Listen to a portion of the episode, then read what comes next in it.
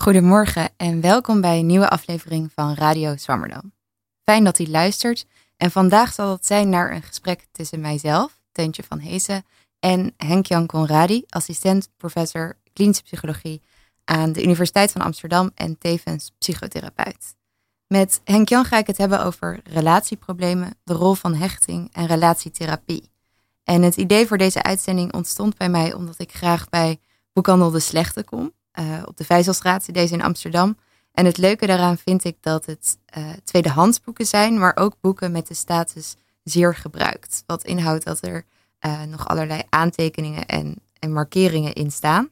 En zo kocht ik ook het boek Weg van Liefde van de Britse filosoof Alain de Botton. En in dit boek beschrijft hij de ontwikkeling van een relatie van een stel in fictievorm, maar complementeert dit met filosofische en psychologische beschouwingen over liefdesrelaties. En naast het feit dat de Botton in dit boek een interessante visie op de essentie van uh, romantische relaties geeft, was ik vooral geïntegreerd door de aantekeningen die in het boek stonden van de vorige lezer. Uh, want bij een stuk over onvrede in relaties stond er, dat was ferm onderstreept en dat kreeg de aantekening haar mokken.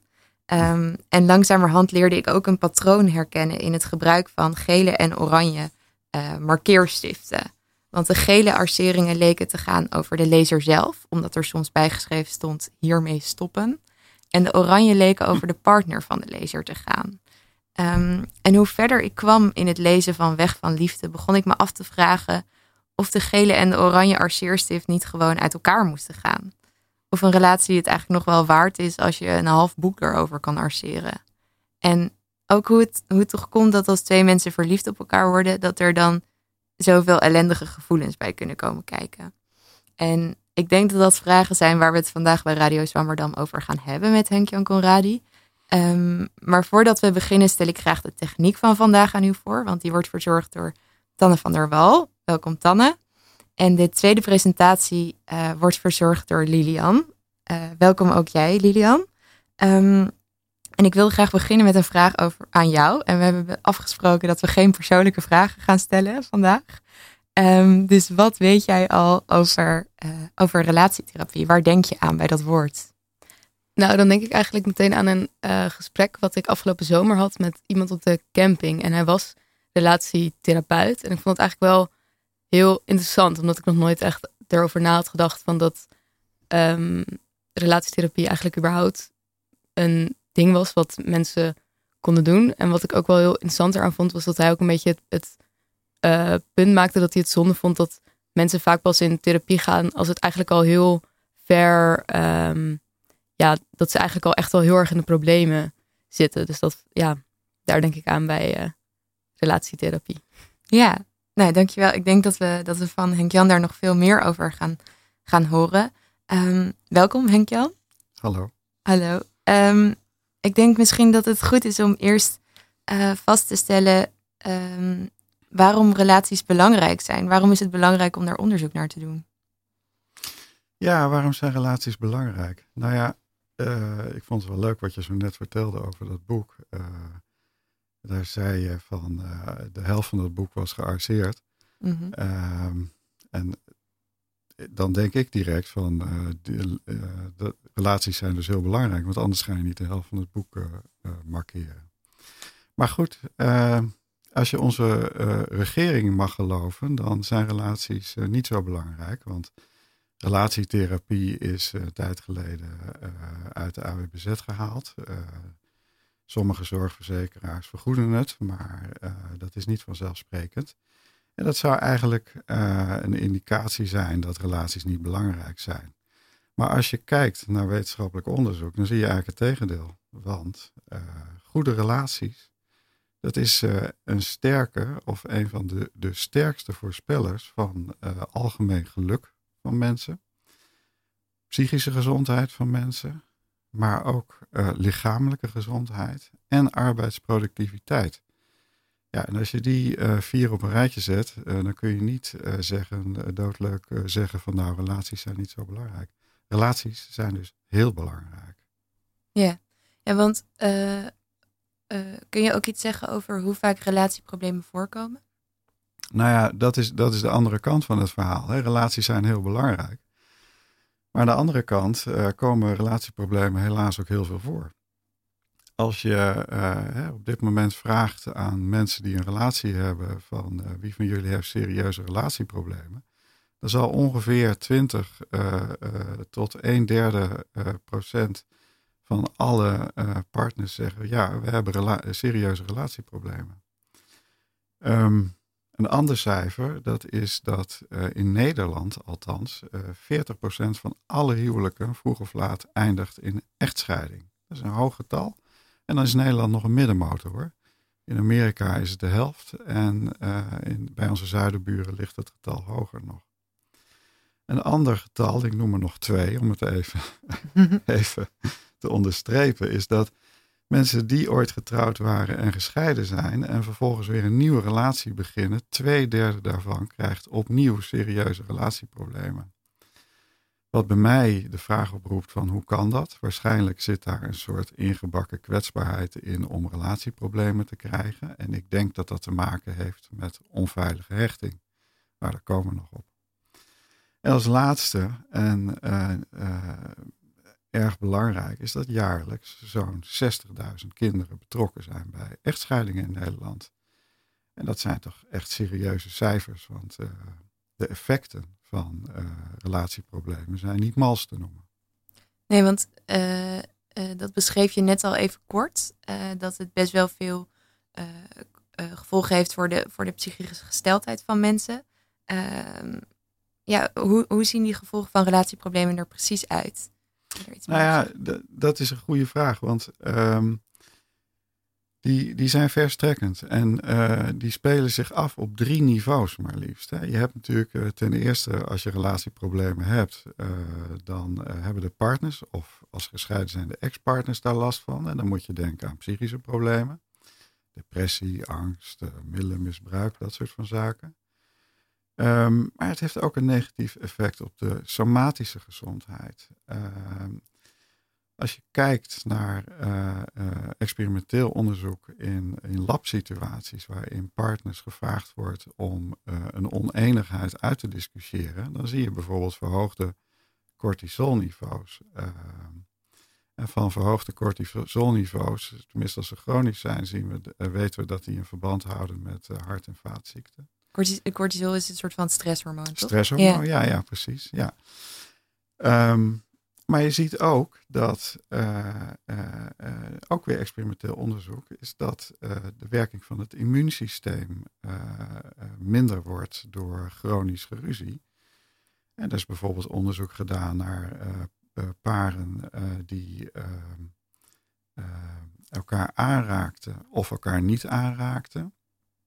En dan kregen die partners die kregen dan een verkoudheidsvirus toegediend. En die paren die elkaar veel aanraakten, die waren sneller van hun verkoudheid af dan partners waarbij dat niet het geval was. Dus je ziet dat die effecten van een, een, een, relatieproblematiek doorwerkt, ook lichamelijk, ja. bij de partners. Nou, dat is één. Hm. Dan hebben we nog de kinderen. Ik zei het al, jaarlijks 60.000 kinderen betrokken bij scheidingen. Uh, dan gaan de partners uh, uit elkaar. Maar er zijn natuurlijk ook uh, paren waarbij steeds geruzied wordt die niet uit elkaar gaan. En ook daar zie je psychische problemen, depressie, terugtrekken, schoolprestaties die achteruit gaan. maar je ziet ook als volwassenen dat ze minder tevreden zijn over hun relatie. Ehm, ja, en dan kun je afvragen, scheiden altijd slecht? Nou ja, uh, niet altijd natuurlijk. Want als het geruzie chronisch blijft, uh, dan kan er een punt komen waarop het beter is om uit elkaar te gaan. Tenminste, als je als ouders daarna niet zo kinderachtig bent om maar door te gaan ruzien over de hoofden van de kinderen heen. Mm -hmm. Nou, dat zijn de kinderen. Dan heb je nog de maatschappij. Um, uh, in Amerika is wel becijferd, en dat is onderzoek van 15 jaar geleden, dat een echtscheiding de samenleving 30.000 dollar kost. Mm. En dat zijn kosten die gemaakt moeten worden vanwege gezondheidszorg, vanwege uh, sociale uitkeringen, uh, maar ook verminderde arbeidsproductiviteit. Als je relatieproblemen hebt, dan presteer je gewoon niet zo lekker op je werk en dat kost geld. Dus ja, het is, het is, het is relatieproblemen hebben verstrekkende gevolgen. Ja, nou ja, dan denk ik dat het, dat het goed is dat we het er vandaag um, over gaan hebben. Um, en misschien is het dan belangrijk om te weten uh, wat dan precies zo'n zo'n relatieprobleem omvat. Hoe, hoe herken je dat, dat, dat er een probleem is binnen je relatie? Ja, um, nou ja, als je de literatuur erop naslaat, uh, Gottman heeft daar veel mooi onderzoek naar gedaan.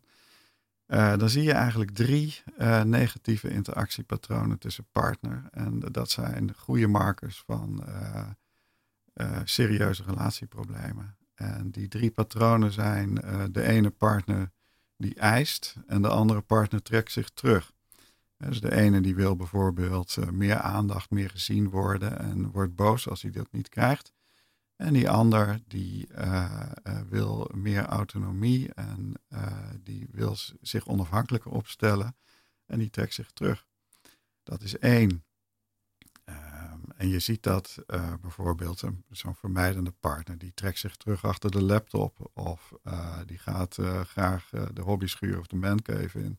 Of met de vrienden naar voetbal of wat dan ook. Het zijn vaak ook mannen trouwens. Um, terwijl de ijzer die gaat verwijten maken, ruzie maken.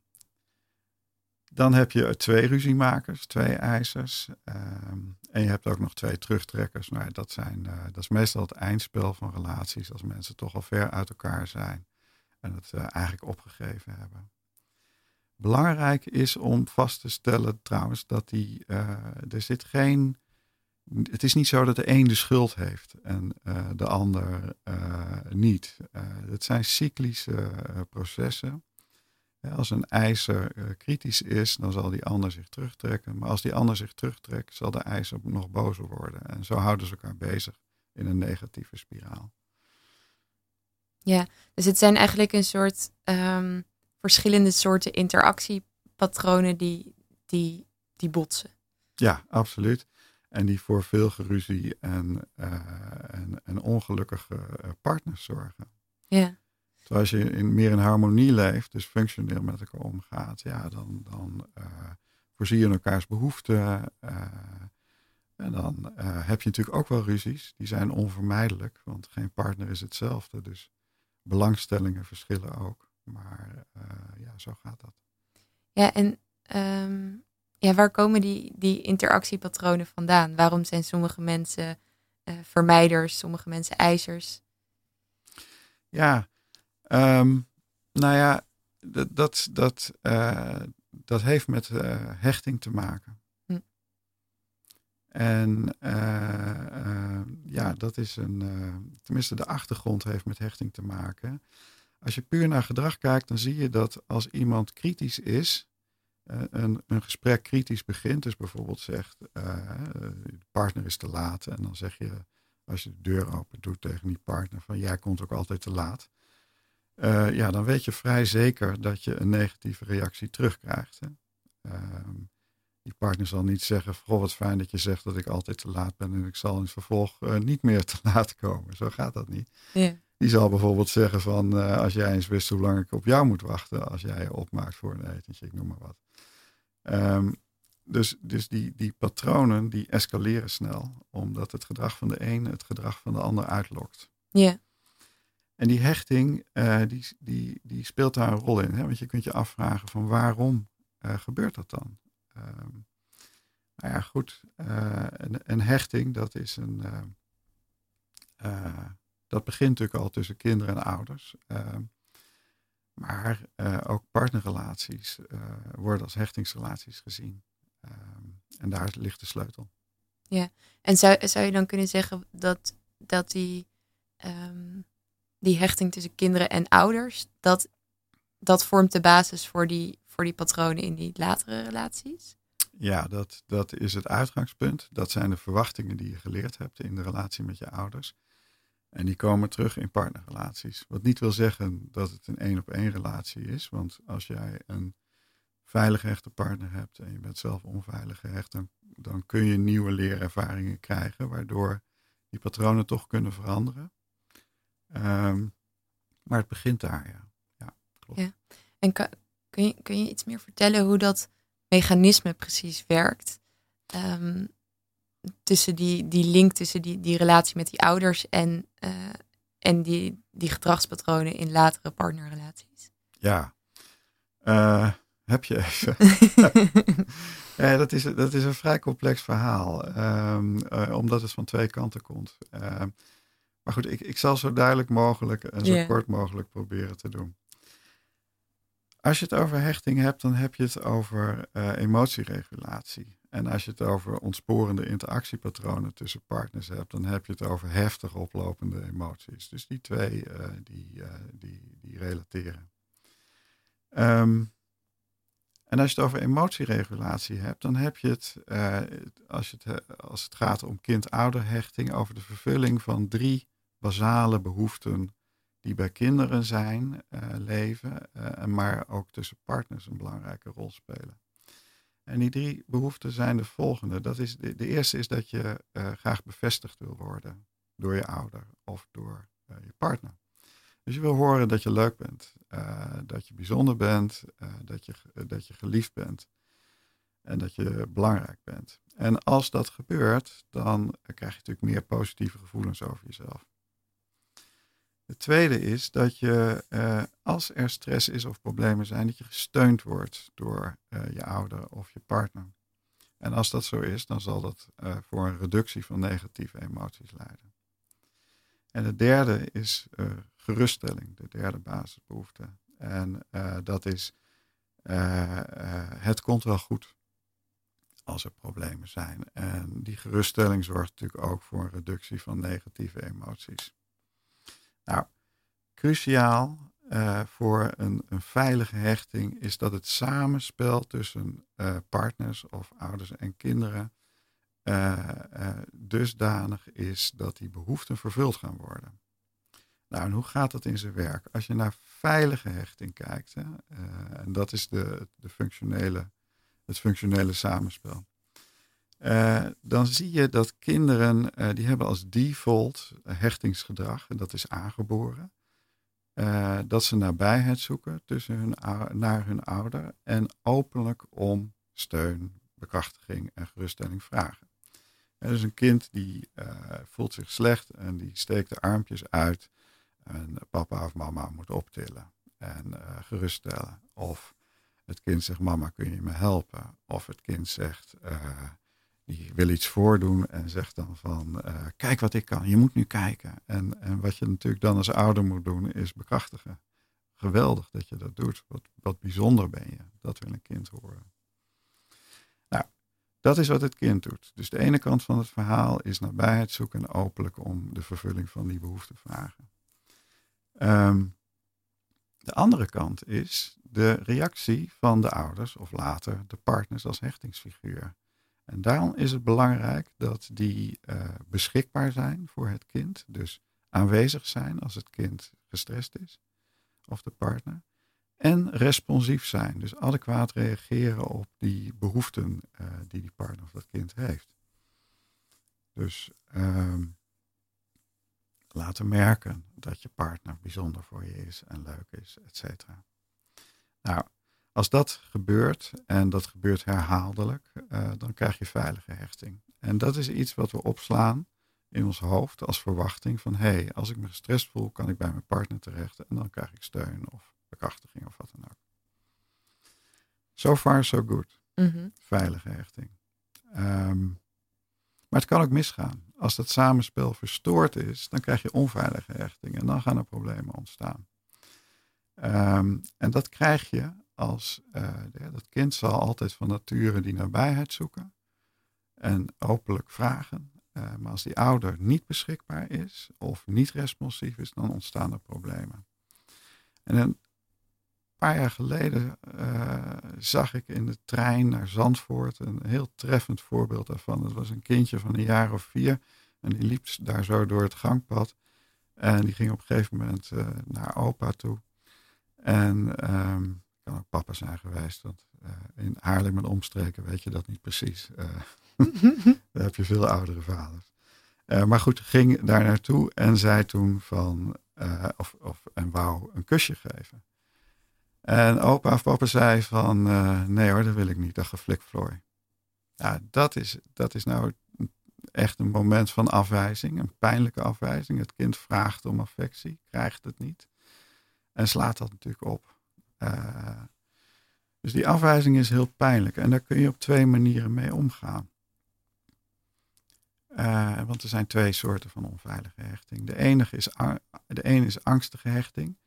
En dat zijn mensen die de ervaring hebben dat ze soms wel en soms niet worden afgewezen. En omdat ze soms wel succes hebben en soms niet met nabijheid zoeken, gaan ze dat over de top doen. Dus ze gaan niet nabijheid zoeken zoals de veilige hechten, maar ze gaan klampen en uh, eisen. En ze vragen niet om bevrediging van die behoefte, maar ze eisen het. Dus uh, ze appen bijvoorbeeld als partners uh, steeds, waar ben je? om maar die beschikbaarheid te monitoren. Of ze zeggen, je gaat zeker weg voor je eigen pleziertjes als de partner niet thuis wil blijven. In plaats van openlijk te vragen van, ik voel me niet prettig, zou je bij me willen blijven vanavond? Want dat laatste is te beangstigend. Hm. Te kwetsbaar. Als je dat openlijk vraagt, dan kun je dus een nee krijgen. Ja, en dat is heel pijnlijk en dat probeer je te voorkomen als angstige hechter. Ja. Nou, en dan heb je nog als laatste de vermijdende hechter. En die heeft geleerd van uh, mijn hechtingsfiguur is er niet voor mij. Ja, en dan de beste manier om daarmee om te gaan is het hechtingssysteem maar uit te zetten, te deactiveren. En dat betekent uh, dat ze geen nabijheid zoeken en ook niet om steun, bekrachtiging of hulp vragen, maar daarvoor op zichzelf zijn aangewezen. Nou, dat zijn die twee uh, onveilige hechtingen. Ja, en als je die in een relatie hebt, dan krijg je dus, uh, dan kun je dus die, een van die drie of een mengvorm van die negatieve interactiepatronen krijgen. Ja, ja. En um, ja, we hadden het al even over die over die, dus die combinatie tussen, tussen hechtingstijlen in relaties. Um, en uh, uh, ik kan me eigenlijk ook voorstellen dat, um, dat als je dus bijvoorbeeld allebei onveilig hecht bent, dat je elkaar dan goed kan begrijpen. Uh, is, kan, dat, kan dat ook een soort positief effect hebben? Of, of nou ja, dat, dat kan wel. Uh, maar dat hangt uh, ook van de combinatie af van, uh, van onveilige hechtingsstijlen.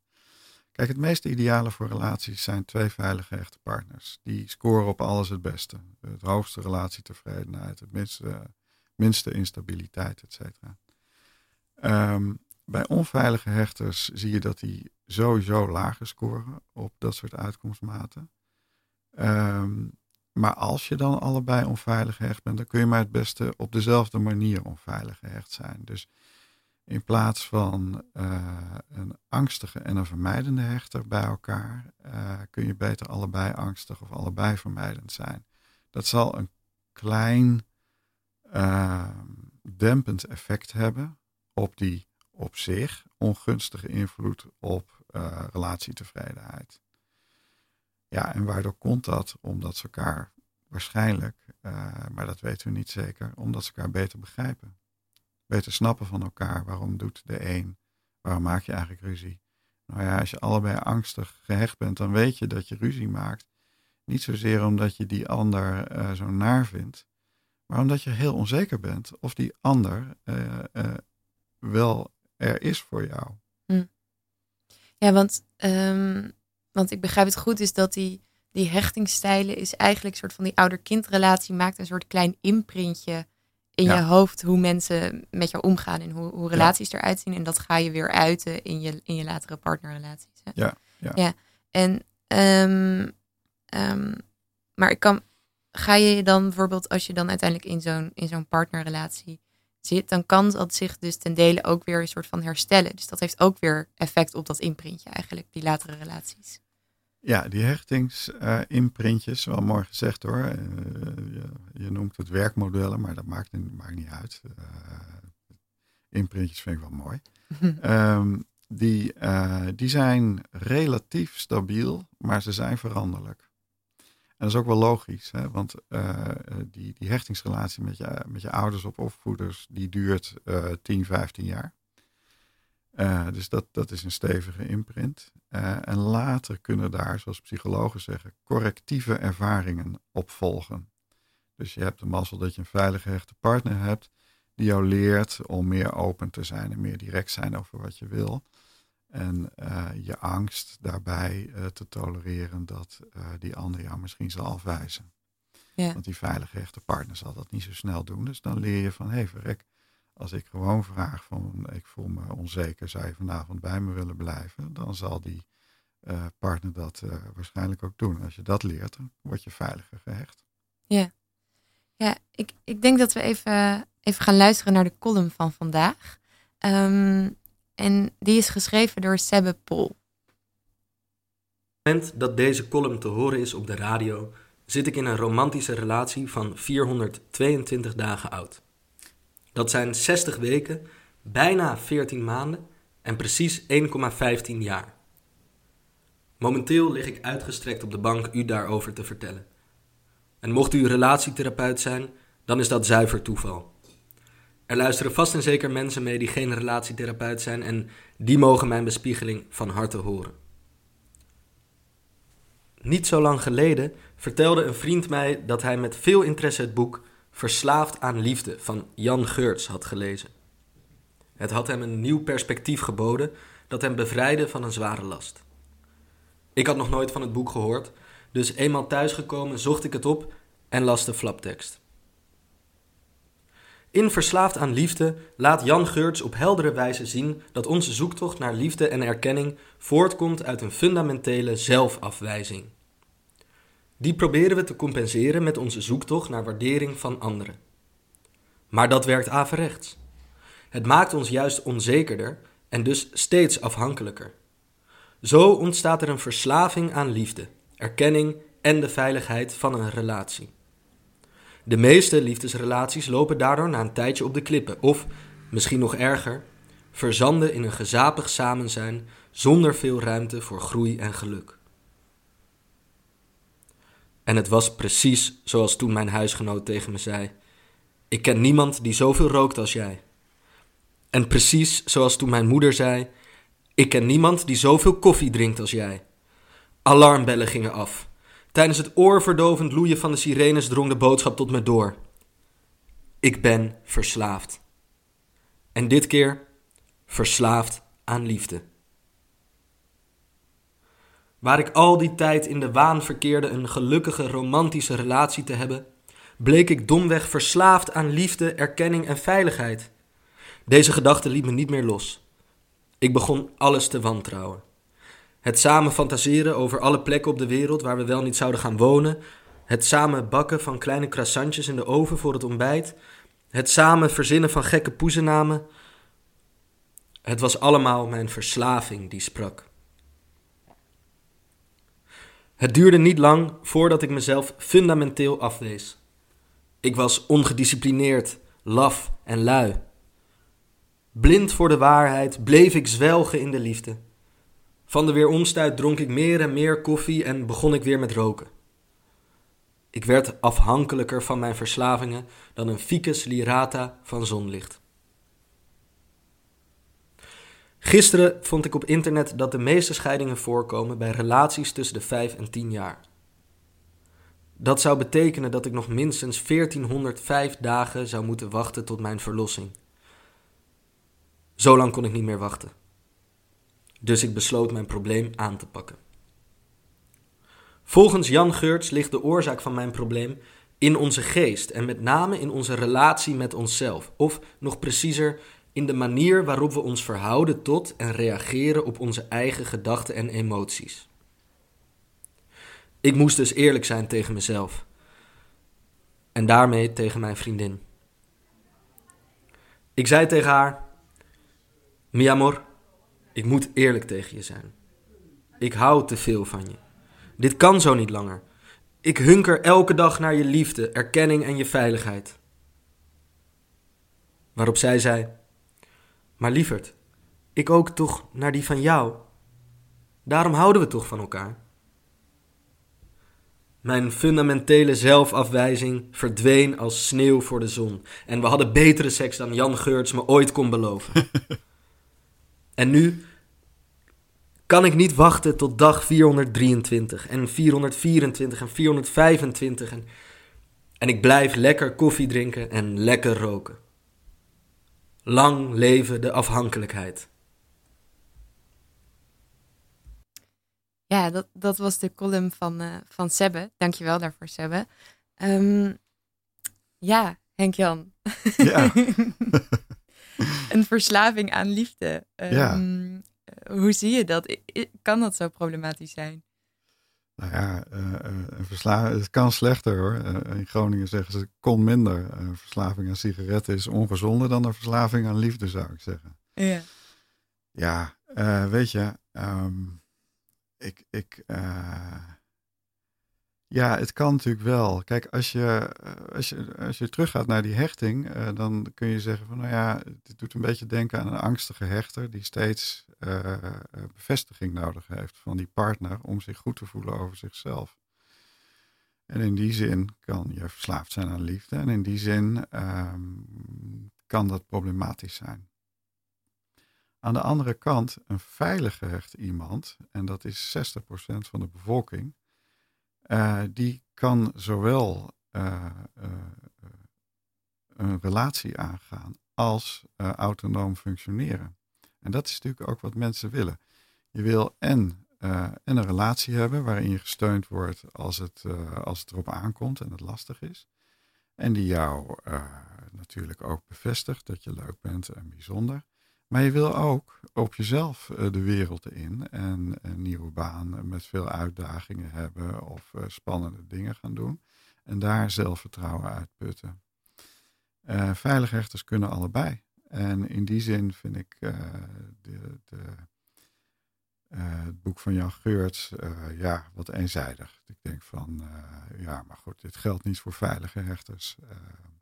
en de stelling dat iedereen een fundamentele zelfafwijzing heeft. Nou, daar geloof ik niet in. Veilige rechters hebben dat namelijk niet. Want die hebben van huis uit iets anders meegekregen. Ik ben namelijk de moeite waard. Ja, ja precies. En um, nou ja, we gaan het zo nog hebben over, dus, over, over specifieke soorten um, relatietherapie. Want er, er, valt ook nog een boel te redden. Ja. Um, ja maar misschien, uh, misschien is het belangrijk om dan eerst even vast te stellen van wanneer wanneer kan het nog helpen om in therapie te gaan? En. Ja, dat is een goede vraag.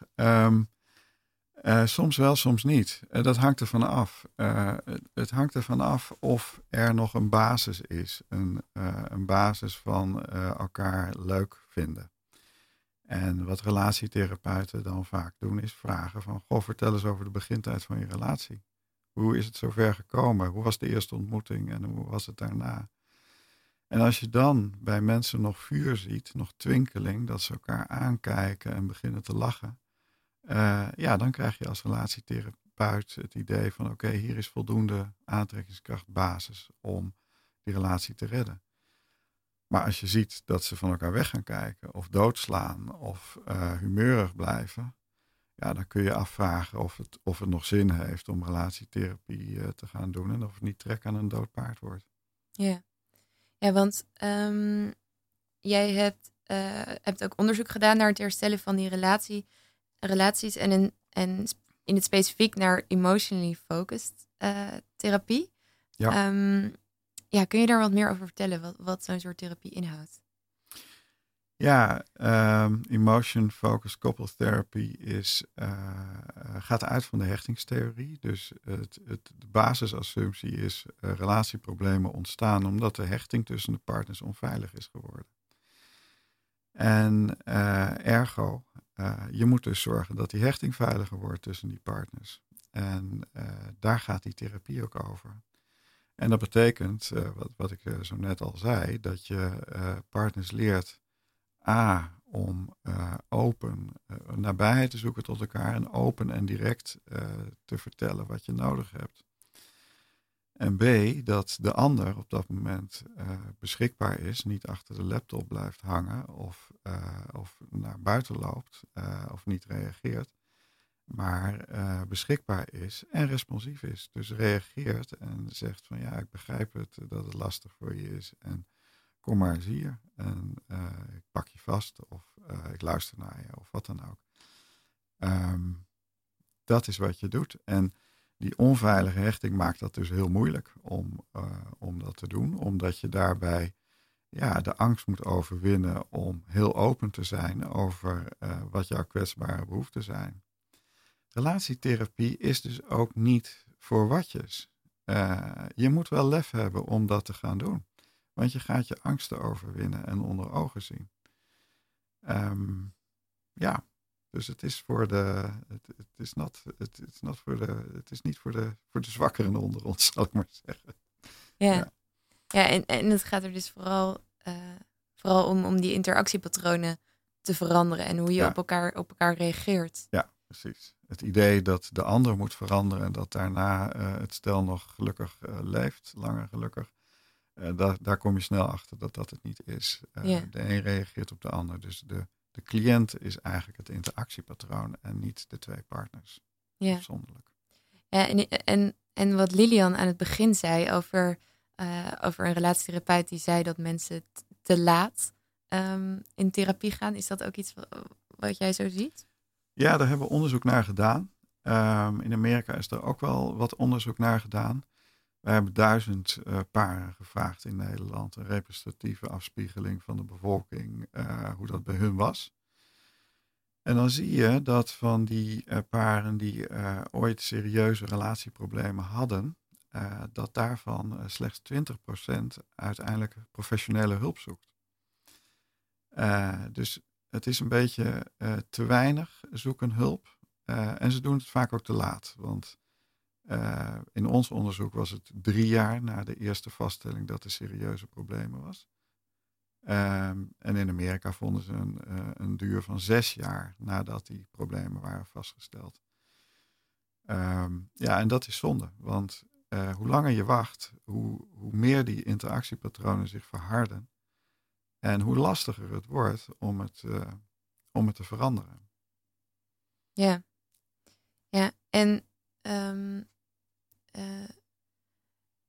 denk je dat het misschien ook iets te maken heeft met een bepaald stigma rondom relatietherapie? Of dat mensen dat. Ik weet, op de een of andere manier heeft het misschien een licht dramatische connotatie? Nou ja, dat is een goede vraag hoor. Want uh, dat vroegen wij ons uh, ook af. Van ja, hoe komt dat nou dat, dat, dat zo weinigen dat doen? Dus we hebben mensen gevraagd van wat was de reden om geen hulp in te roepen? En die antwoorden die we kregen, dat waren van. Uh, uh, nou ja, dat was de, de, de, de helft zei van. Uh, even kijken op een papiertje. Oh ja, want daar staan de cijfers. Hm. De helft zei: uh, de partner wil niet mee.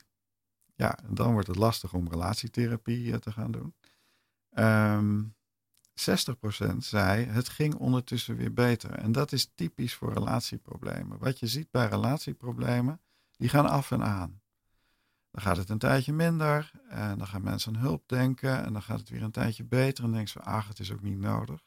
Maar wat je moet realiseren is dat relatieproblemen zich nooit vanzelf oplossen. Die interactiepatronen, daar word je zo ingezogen en dan hop, dan begint het circus weer.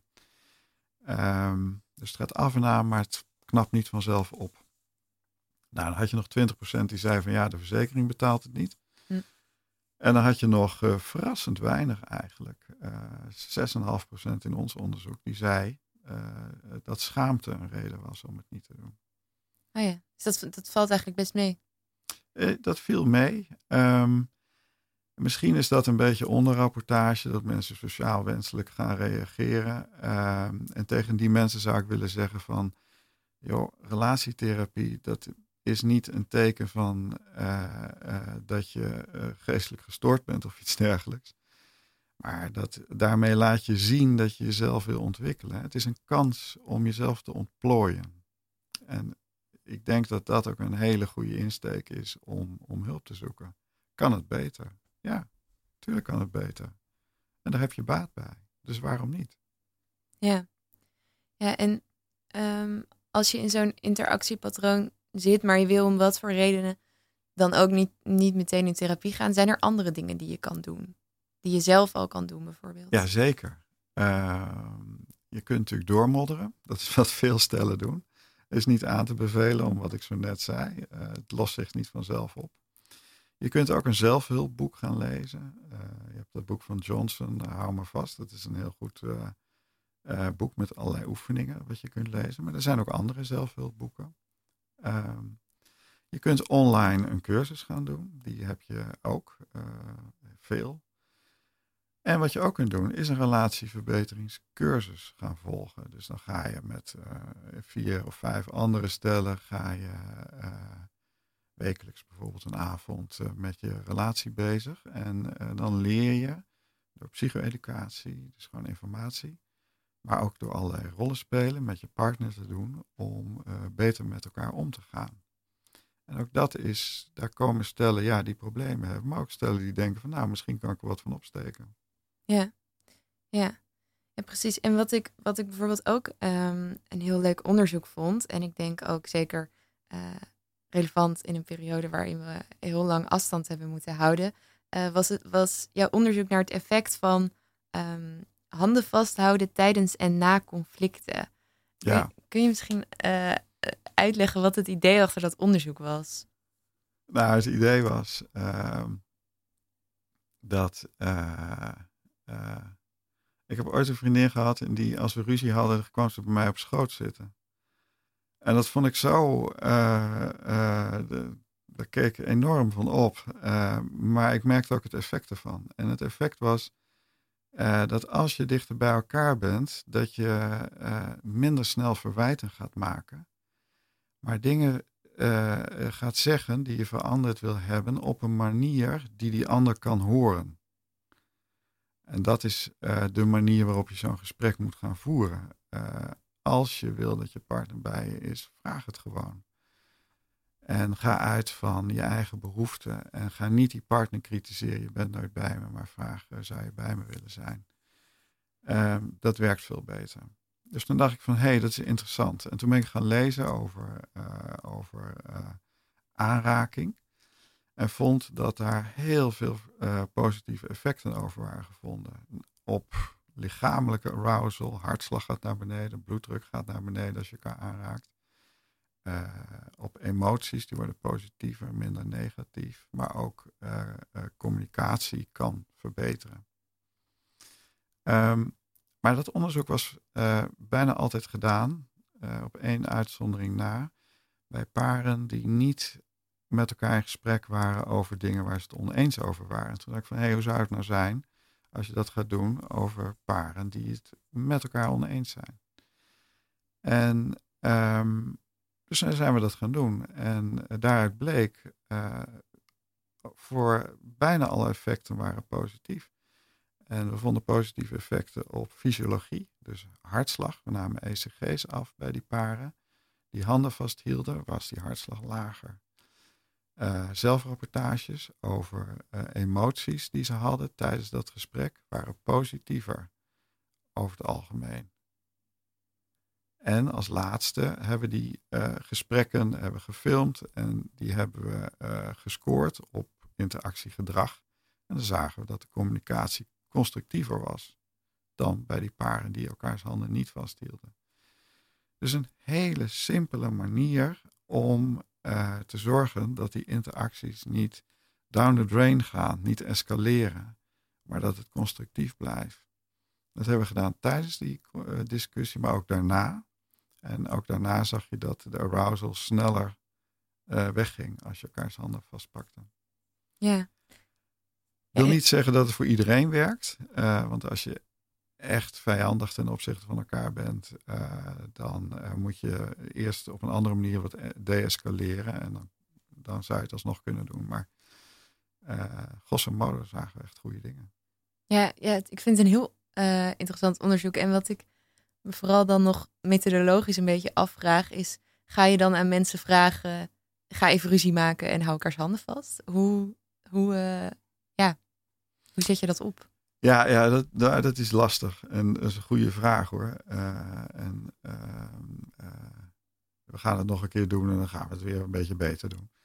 Um, maar wat we ze vroegen was eerst een vragenlijstje in te vullen van nou, op welke terreinen hebben jullie oneenigheid? En ze hadden twintig, twintig gebieden genoemd en de hoofdscorende hadden we eruit gepikt. En gevraagd of ze daar een discussie over wilden hebben. Nou, dat wilden ze. En dan hebben ze eerst gevraagd, ga uh, drie minuten voorbereiden. En schrijf je argumenten op papier wat je graag veranderd wil zien bij je partner. Nou, dat hebben ze gedaan. Ja, en toen zijn ze die discussie gaan voeren. Dus het is niet zomaar, er zat wel enige voorbereiding uh, aan vast. Ja. ja, precies. En um, nou ja, goed, hoe, hoe we tot nu toe over relaties hebben gesproken, is het bijna een soort, ja, wordt het bijna een soort praktische match tussen hechtingsstijlen bijna. Um, en ik vroeg me af, hoe belangrijk is een soort van die, die magische verliefdheid nog? Ja, je zou bijna denken van uh, als je maar een beetje aardig met elkaar kunt omgaan, dan is de, is de, is de, de vonk niet meer zo belangrijk. Dat is natuurlijk niet waar. Uh, en het is ook terecht dat je dat zegt. Verliefdheid is natuurlijk heel belangrijk. Daar begint het. Uh, daar begint de aantrekkingskracht. Je vindt elkaar uh, mooi. je, je vindt elkaars lach leuk. dat soort dingen. Ehm, en daar raak je opgewonden van. Um, maar op een gegeven moment gaan die hormonen die gaan ook afnemen, die dat aansturen. En ja, dan gaat die roze bril wat af en dan zie je hoe je relatie is of hoe je partner is. En uh, dan kan dat wel eens tegenvallen. Um, dus een, een goede relatie is een optelsom van initiële aantrekkingskracht, maar ook weten dat als, die, als dat, die eerste verliefdheid afneemt, dat, je, dat het goed is dat je goed met elkaar kunt omgaan. En dat je elkaar steunt waar nodig, elkaar stimuleert waar nodig. En als je later kinderen krijgt, dat je als een team uh, je kinderen veilig uh, gehecht weet op te voeden. Ehm, dus er komt wel meer kijken bij een goede relatie. En het, en het exclusief de aandacht leggen op die verliefdheid. Ja, dat is een deel van het verhaal belangrijk, maar daar moet je ook weer niet op blind staren. Het moet er zijn, maar het is niet het enige.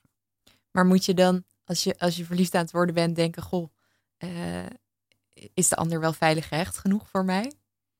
Ja, je moet een vragenlijst in je achterzak hebben en uh, die afnemen, dan naar de wc gaan en hem stiekem even scoren.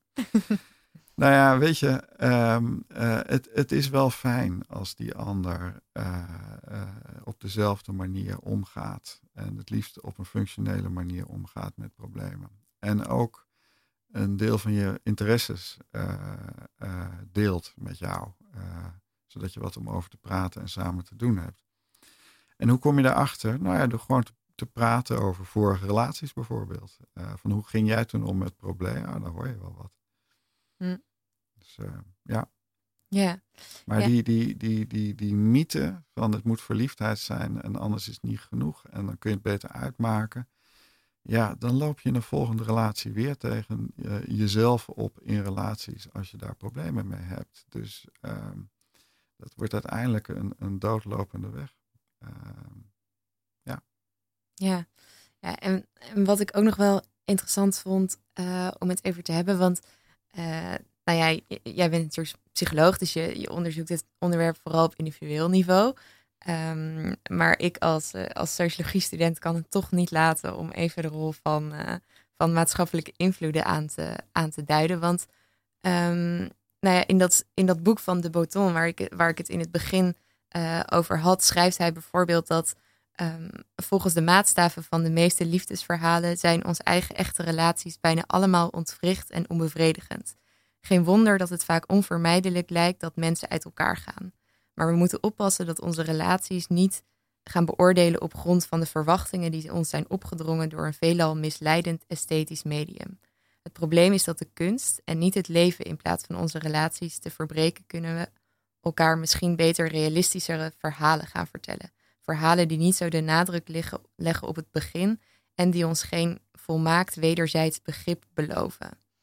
Um, en dat is ook wel een verhaal wat ik, wat ik wel veel om me heen hoor. Dat we misschien een soort van uh, te groot maatschappelijk ideaalbeeld hebben van, van relaties. Um, en dat dat er soms voor kan zorgen dat het stuk loopt tussen mensen.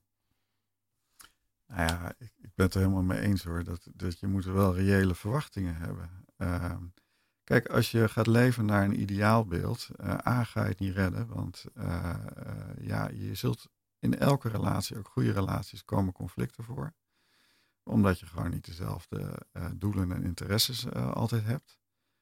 Um, maar bovendien wordt het ook een soort opgelegd pandoer. Uh, in, in de zin dat je moet gaan leven naar een ideaalbeeld. Nou, niets lijkt me erger dan dat te moeten. Je moet toch jezelf kunnen blijven in een relatie. En we zijn allen, geen van allen volmaakt. Dus uh, dat zou ik zeker niet uh, mensen aanraden. Dus een reële verwachting over jezelf, over je partner en je relatie is, is een goede basis om met elkaar verder te gaan. En dat, dat, maar dat is een beetje eigen aan onze tijd. Hè? Je ziet het ook bij depressie. Ik heb veel depressieonderzoek gedaan en op een gegeven moment ben ik ook eens wat gaan lezen over de achtergrond en de farmaceutische industrie daarachter. En dan zie je dat de farmaceutische industrie depressie weg wil hebben. En natuurlijk, ernstige depressies, die wil niemand. Maar depressies horen ook een beetje bij het leven. Um, maar een van die farmaceuten had bijvoorbeeld als slogan: uh, waarom dobberend door het leven als het ook dansend kan? Dan denk ik, ja, de hele tijd dansen lijkt me A, erg vermoeiend, maar B, als je een tegenslag hebt in het leven, die hebben we natuurlijk allemaal, dan ga ik niet staan juichen en doen alsof het, alsof het niks is. Dan, dan, dan voel ik me bedrukt en dan ga ik, trek ik me terug en dan ga ik nadenken over goh, wat is nou eigenlijk gebeurd en wat betekent dit voor mij en mijn leven en mijn toekomst? En dat zijn momenten die je nodig hebt om, om te herstellen en je, je koers opnieuw uit te zetten. Dus dat soort ideeën, alles moet leuk zijn en alles moet juichend zijn, dat is, is uh, slecht voor de psychische gezondheid. Ja, ja en je stipt het aan het begin van ons gesprek ook al eventjes aan, dat, dat er ook een, een verband is andersom. Dat relaties ook belangrijk zijn voor de maatschappij. Op, op welke manier dan precies? Nou ja, je ziet dus dat relatieproblemen uh, de samenleving veel kosten. Maar aan de andere kant, goede relaties kunnen de samenleving ook veel opleveren. Als je bedenkt dat uh, een goede partnerrelatie, uh, goed veilig gehechte mensen, die hebben goede partnerrelaties, die hebben goede vriendschapsrelaties. En die zijn op het werk bijvoorbeeld ook direct veilig aanspreekbare collega's.